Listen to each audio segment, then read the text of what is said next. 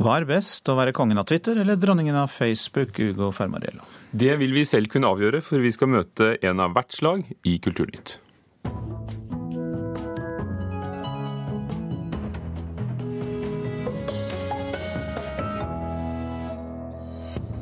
Partilederne kaster seg på Twitter i valgkampen, men det er ikke folk flest som leser, viser ny forskning. De tøffeste gutta, ny norsk film på kino denne uken, er rampete med de beste hensikter, sier vår anmelder. Og vi spør SV om kultur og politikk. Her i Nyhetsmorgen i NRK. Twitter er blitt en viktig arena for partilederne i valgkampen, men de når ikke ut til vanlige folk, viser en ny undersøkelse fra Universitetet i Oslo. SV-leder Audun Lysbakken er Stortingets ivrigste tvitrer i valgkampen, med over 500 meldinger. Skriver det. Flyktningkrisen i Syria kan ikke være bare nabolandenes ansvar. Sånn. Så var nok ei twittermelding sendt fra SV-leder Audun Lysbakken. Han er en ivrig bruker av sosiale medier. Twitter bruker han for å diskutere politiske saker med folk. Nå har jeg prioritert å fortsatt være til stede der, selv om jeg reiser veldig mye i valgkampen. Og det er rett og slett fordi jeg tror det har blitt en mye viktigere politisk arena. Det er ganske mange som følger med på politisk debatt gjennom sosiale medier. Det er mange som har spørsmål, og det er en mulighet til å møte velgere. I tillegg til de tradisjonelle møteplassene, så dette blitt uh, den nye standen, det nye valgtorget, det nye stedet du kan, eh, du kan, møte folk. Og der vil jeg selvfølgelig være nå når det gjelder. Men Lysbakken når ikke så bredt ut, skal vi tro en ny undersøking fra Universitetet i Oslo. I samband med prosjektet Sosiale medier og valgkamp har forsker Anders Olof Larsson sett på hvem politikerne snakker med på Twitter. Undersøkelsen viser at partilederne hovedsakelig når ut til andre politikere og journalister. Til å begynne med så er det ganske tydelig at de forholder seg til et nettverk av personer eh, som er relativt unike for hver og en av politikerne. Vil si eh, de som Audun Lysbakken prater med, tenderer ikke å bli tiltalt på Twitter av andre politikere. Okej, och vilka är det då som finns i de här klustren? Eh, det tenderer mest å være personer som har eh, posisjoner i noen slags offentlighet. Altså journalister, andre politiker, fast ikke fra det samme partiet oftast, utan fra andre partier. Og ikke partiledere, utan det kan være noen ung Høyre-medlem som anroper Lysbakken, og sen så får han svar. da. Men det er veldig sjelden vi ser kommunikasjon mellom partilederne på Twitter. Så. Men medan Lysbakken er kongen av Twitter, er Framstegs partileder Siv Jensen dronninga av Facebook. Der fikk jeg en ukentlig oppdatering som forteller meg at jeg i løpet av den siste uken har fått nesten 7000 nye følgere. Jensen har aktivt valgt bort Twitter til fordel for Facebook. Twitter eh, fremstår i dag hvert fall som sosialt, eh, en sosial plattform hvor kanskje mest journalister, kommentatorer, eh, maktelite som befinner seg. Mens eh, Facebook er bredere, et, en, en, bredere plattform hvor langt flere mennesker er og, og kommuniserer. Men selv om stadig flere bruker sosiale medier, står de tradisjonelle kanalene fremdeles sterkt i valgkampen, sier Larsson. Og Even om man ser rent statistisk da, at andelen personer som innhenter informasjon om politikk innenfor valg, tenderer å øke lite grann for hver valg, så er det fortsatt de tradisjonelle mediene som er viktigst for medborgerne når de skal få informasjon om hva de skal røste på. Eh, og dermed også da, formodentlig for politikerne når det handler om å eh, få ut budskapet sa forsker Anders Olof Larsson ved Universitetet i Oslo til vår reporter Espen Alnes. Audun Lysbakken har altså 500 meldinger på Twitter i valgkampen, Siv Jensen har to. Men Jensen har 103 000 følgere på Facebook, Lysbakken har 8000. Trine Eilertsen, politisk kommentator her i NRK. Hva lønner seg i valgkampen? Ja, Det spørs jo hvem man ønsker å nå. Eh, hvis målet er å nå flest mulig velgere, så er det klart at Facebook der er det mange flere nordmenn og et mer variert utvalg av nordmenn enn det er på Twitter. Men hvis du skal nå en del av de som eh, f.eks. sitter i redaksjonene og påvirker hva type journalistikk som kommer ut, hva meninger som blir skrevet og publisert, så er Twitter ingen unyttig arena for en politiker som ønsker å bli sett. Har du sett eksempler på at dette virker for politikerne? Ja, altså Det som har vært eh, litt fascinerende i denne valgkampen, er jo at Twitter og sosiale medier de fungerer jo i en symbiose med de tradisjonelle mediene, med avisene og med TV-ene og eh, TV-sendingene og debattene. Eh, og Mye av det som skjer der, det speiles på Twitter. og Da får du umiddelbart opp korrektiver, f.eks. Hvis det er noe i en sak eller premiss i en sak i Dagsrevyen som et parti mener er feil, hvis det er noe som blir sagt i en debatt som man mener er feil. Og Da er rådgivere og de som er i et parti veldig aktive på Twitter, og de kan få en raskt en debatt om en sak, og det kan av og til lønne seg for det. Vi så det da vi diskuterte meningsmålingsbruk i, i de store TV-kanalene. Eh, og de får løftet ut debatter som før kanskje ikke hadde blitt så veldig store, og som ikke hadde blitt noe problem heller for, eh, for TV-kanalene. Men er det ganger når politikerne snubler i, i, i det de foretar seg på sosiale medier? Ja, det er jo enkelte som er veldig Enkelte er jo spontane. Det gjelder jo ikke partilederne, da. De har jo en ganske eh, gjennomtenkt strategi der ute. Men en del av de som jobber for partiene, kan være litt eh, vel spontane, og ikke minst litt vel sure av og til. Eh, det har vi sett mange eksempler på. Det er ikke så rart. Det er mye som står på spill, og det er høye skuldre. og men eh, så selvfølgelig så har vi en sak som Sindre Finnes, Erna Solbergs mann, og han ytrer seg på Twitter i et lite følelsesutbrudd. Så det er klart at det blir mye større enn det hadde blitt for 20 år siden hvis han hadde sittet hjemme og ropt til TV-en. Så det er en annen dynamikk. Lykkes politikere i å fremstå annerledes på sosiale medier enn de gjør i offentlige debatter? Det varierer. Eh, Audun Lysbakken er jo flink til å svare selv, svare raskt. Eh, og vise at han hører eh, og får med seg det som skjer på Twitter og spørsmål som kommer. Men det er klart at sånn som Jens Stoltenberg, som er statsminister i tillegg til å være partileder og den viktigste personen i Aps valgkamp. Han kan ikke personlig sitte og, og, svare på alle henvendelser. Det blir for mye. Og da blir det også en større avstand og mer en upersonlig profil. Så blir det mer sånn pushe ting som skjer, pushe reaksjoner på at noen har vunnet en gullmedalje, eller at eh, noe skjer på valgkampopplegget til Arbeiderpartiet. Og det blir en monolog istedenfor en dialog, da. For i begynnelsen trodde vi kanskje at han gjorde det selv? Ja, og så fikk vi jo eh, straks vite at eh, her var det flere fingre på tastaturet. Eh, ikke så rart når vi tenker oss om, men det i hvert fall skal være en viss mengde der. Men det er klart at den profesjonaliseringen av akkurat den type dialog gjør at du skaper en avstand som, som ikke gjør at du Altså at velgerne ikke opplever at de kommer nært en toppolitiker, da. Takk skal du ha, Trine Eilertsen, politisk kommentator.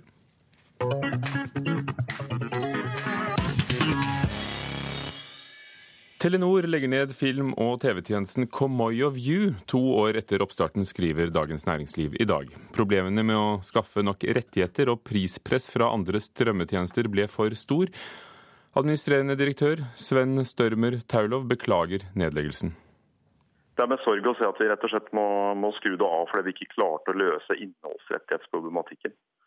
Men Flesteparten av folka våre vil jo få nye jobber i, i Komoyo, som er et mye større selskap enn som, de som bare jobber med film og TV. Så det, jeg håper å få beholdt de aller fleste. Ser dere dere slått av Netflix, HBO og lignende? Netflix vil jeg absolutt si at eh, de har slått oss, fordi de har klart å de klarte å komme inn i markedet litt før oss. Vi har underestimert det når de kom inn. Og så har de en eh, har de noen innholdsavtaler som er eh, relativt gode, og som er laget for nett. Sven Størmer Taulov i Comoyo View. Selskapet har 40 ansatte og vil ikke si hvor mange som kommer til å miste jobben. Reporter var Maria Pile Svåsand. Saudiarabiske myndigheter slår hardt ned på regimekritiske bloggere.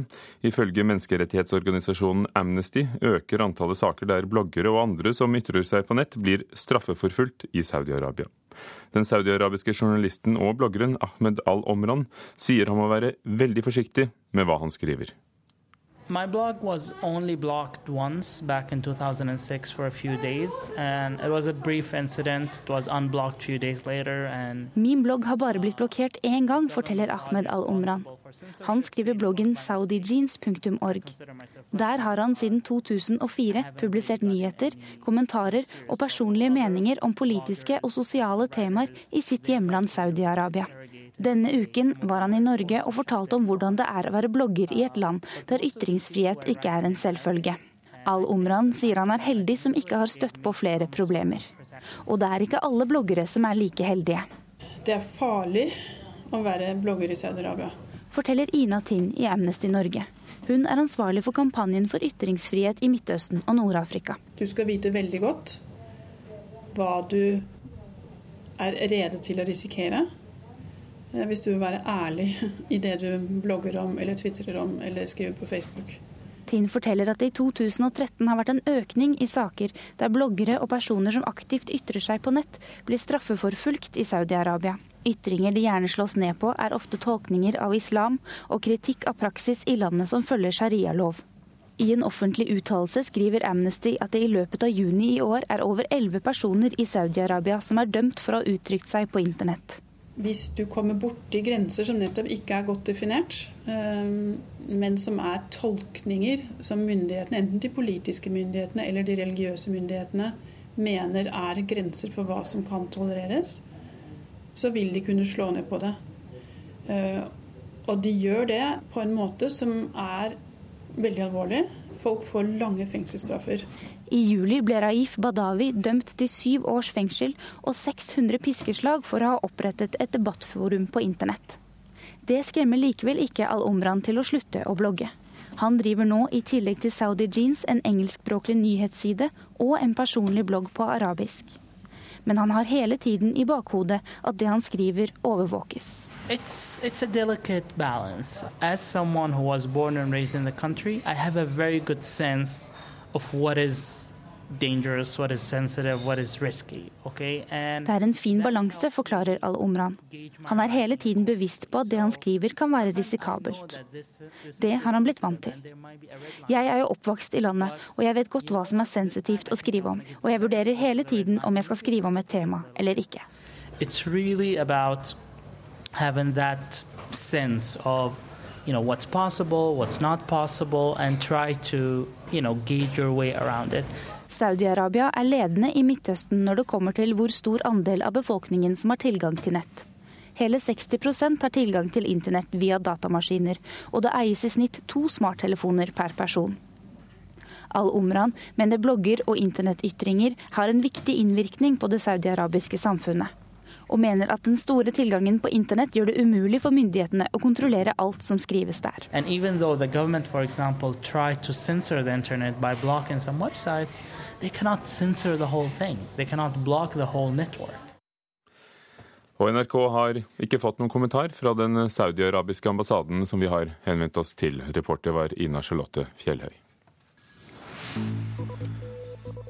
Du hører på Nyhetsmorgen i NRK. Klokken er 17,5 minutt over åtte. Overskriftene nå. Den 23 år gamle mannen i Ålesund erkjenner å ha drept 21 år gamle Anja Veløy Aarseth. Han vedgår likevel ikke straffskyld. Samtidig som det begås flere partnerdrap, er kapasiteten på landets krisesentre sprengt. Og senere i Kulturnytt får vi høre om de tøffeste gutta, ukens norske kinopremiere. Det er tid for partiutspørring i Kulturnytt. I dag Sosialistisk Venstreparti. Velkommen, Ranveig Kvifte Andresen. Jo, tusen takk. Du sitter for tiden i Stortingets familie- og kulturkomité. Dere har vært eh, et av partiene bak eh, politikken som dere har kalt for Kulturløftet 1, 2 og nå kanskje Kulturløftet 3. På hvilken måte har SV påvirket regjeringen? Eh, det har jo vært eh, ulike påvirkninger eh, gjennom de tre kulturløftene. Det har vært vesentlig for SV å sette kultur høyt på dagsordenen. Og nå er det jo viktigst å snakke om det siste kulturløftet, nemlig Kulturløftet 3. Og det aller viktigste for SV der er å få et kulturløft for barn og unge. Så i den grad vi kan si at SVs politikk preger Kulturløftet i noen større grad enn de to andre partienes, så er det, det vektlegginga av barn og unge. Men det er jo en bred enighet mellom de tre partiene, så det har ikke vært veldig vanskelig å komme til enighet om et kulturløft, og at vi skal bruke både mye penger, men ikke minst eh, ha store ambisjoner som da krever de pengene som blir satt av. For når jeg leser programmet deres om kultur, så satser dere på veldig mye, og, og, og, og mye på mange områder. Vil det være rom for alt det, selv innenfor de ekspansive rammene dere legger, legger opp til økonomisk? Eh, nå er det jo sånn at Alle partier uh, lager sine partiprogrammer. Uh, og Vi ønsker oss å satse enda mer på kultur enn det vi har fått til så langt. Nå er det et ambisiøst kulturløft, og vi føler at vi har fått til uh, mye. Enger-utvalget sa jo at det var det lokale kulturlivet som nå må settes i fokus. Og det har vi jo fått til nå. Og for SV har det vært særdeles viktig at det er barn og unge. Og da er det i, i sær grad kulturskolen og folkebibliotekene som er det jeg vil trekke fram. Men vi skulle jo ønske at at vi kunne få til enda tingene. mer. Jeg tenkte at vi skulle komme til de to tingene. Kulturskolen, som vi snakker om nesten hver dag her. 28 000 barn i kø. Hvordan vil dere løse det? For der finnes det forskjellige løsninger. Ja, det er det. Det aller viktigste er jo å sørge for at det er en god kommuneøkonomi. For kulturskolen er jo kommunenes eh, ansvar. Det at vi nå får kulturskoletimen i tilknytning eh, til, til skolen, gjør at det er mange flere som får kjennskap til kulturskolen. Kanskje det for noen eh, er tilstrekkelig med den ene timen som man da får som et tilbud. Men det kan også føre til at det er enda flere som ser at kulturskolen er et attraktivt tilbud som jeg ønsker å bruke mer av. Og Der sier da deres politiske motstandere at dette er en snikinnføring av heldagsskolen. At dette ikke skal være noe inni skolen, men skal nettopp være et spesialisert, sterkt faglig tilbud. Ja, og det er jo ingen tvil om at vi ønsker på sikt en lengre skoledag. Men det, jeg mener ikke at dette er en tilsnikelse av uh, en lengre skoledag. Det er rett og slett uh, et forsøk på å få enda flere barn til å oppdage kulturen, få muligheten til å utøve kultur og få kjennskap til det viktige arenaen som kulturskolen er. Når vi har snakket med Venstre, Kristelig Folkeparti og Høyre, så nevner alle at de vil sikre mer avstand mellom de som eh, lager kultur og produserer filmer, skriver bøker, mottar støtte, og myndighetene. Hvilken kommentar har du til det? For de mener at det er for sterke føringer, for å si det tabloid. Ja, eh, og der er vi jo uenige. Eh, jeg mener at det er viktig med en eh, sterk offentlig kultursektor, og at vi skal bruke mye offentlige penger på kulturen. Og det kan gi rom for at vi skal ha noen føringer fra det offentlige side. Og så er det en forskjell å ha noen overordnede prioriteringer i kulturpolitikken, men ikke ta detaljavgjørelser. Så det er også å gå inn i repertoar, som det virker som en del i høyresida mener at det er det vi mener. Det mener vi er fullstendig feil. Så en armlengdes avstand-prinsippet er veldig viktig. Vi skal ikke gå inn og detaljstyre, men også ha noen overordnede føringer på at man skal fremme eh, kultur for barn, eh, ha likestilling eh, høyt på dagsordenen, mangfold osv. Det syns jeg er helt betimelig. Men det har jo vært sterke føringer nettopp noen ganger på at grunnlovsjubileet skal markeres, mangfoldsåret osv. Ja, når man har, gir så mye offentlige penger til viktige kulturinstitusjoner, så mener vi at det er rett og riktig å si at vi forventer at de er med med på å bidra i den typen store prosjekter, som stemmerettsjubileet og grunnlovsjubileet osv.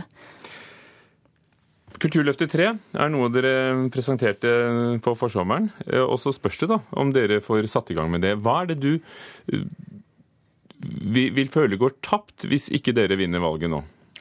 Eh, det er jo kun eh, de rød-grønne som nå har en eh, fastsatt pengesum. Det å bruke 1% av statsbudsjettet er ambisiøst, og det vil gi økte rammer til kulturen absolutt hele tida. Så er det ett punkt som jeg ikke fikk sagt i stad, som jeg mener at SV har satt sitt preg på Kulturløftet med, og det er rettighetene til kunstnere og de som utøver kunst. For det er jo en myte at eh, man skaper best eh, når man er sulten og utrygg.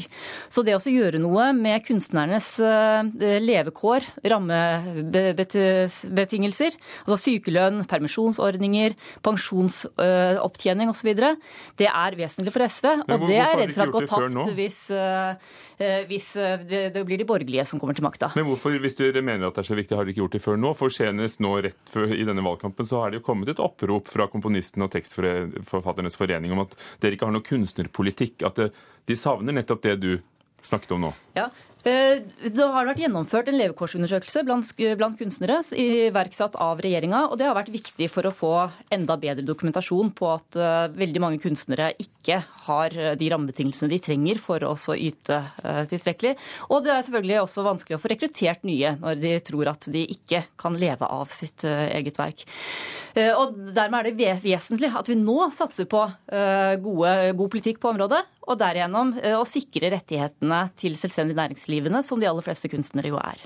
Takk skal du ha. Ranveig Kvifte Andresen fra Sosialistisk Venstreparti. Hyggelig å få være her.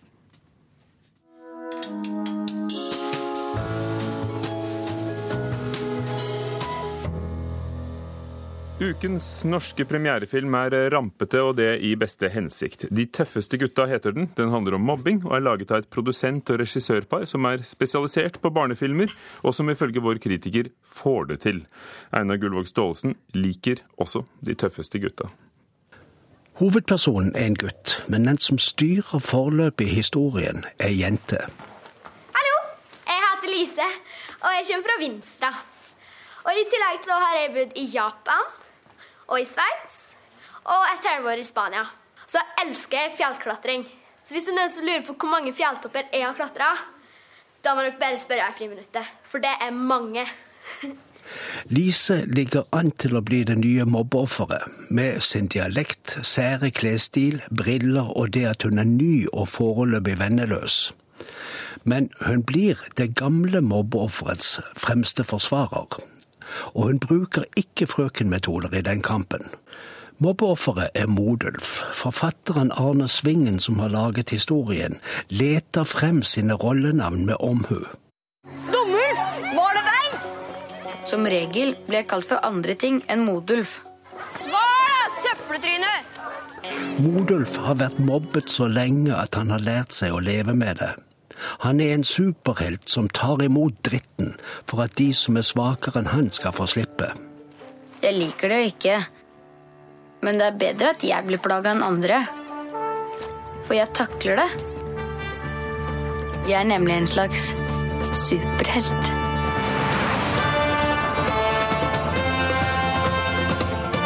Det gjelder De tøffeste gutta, den siste filmen fra ekteparet Lo på Lillehammer. Regi Christian Lo. Produksjon Trine Årdalen Lo. De to jobber sammen om alt. Vi vet ikke om noe annet, sier de. De er innstilt på å jobbe sammen om barnefilmer i mange år fremover. De laget Bestevenner i 2009. Den var Norges glansnummer på Berlinfestivalen i 2010. Det har altså tatt tid å komme i havn med denne neste filmen. Filmskapere som spesialiserer seg på barnefilm, og som får det til, sliter altså med å få finansiert sine prosjekt i landet som ellers finansierer filmer i overflod. Trine Aadalen Lo og Christian Lo er gode til å kombinere sunne holdninger og rampete innfall. Denne filmen er småslem i god mening. Det aller første peket Lise fra Vinstra gjør mot sjefsmobberen, er å hjelpe ham med skolestilen. Hun dikterer stilen for ham. Det ulykksalige er at han som tror at alt er greit og grundig dokumentert, må lese stilen høyt i klassen. Swiss Army. Swiss Army var navn på han som fant opp Swiss Army-kniven. Og så var han så veldig glad i sjokolade.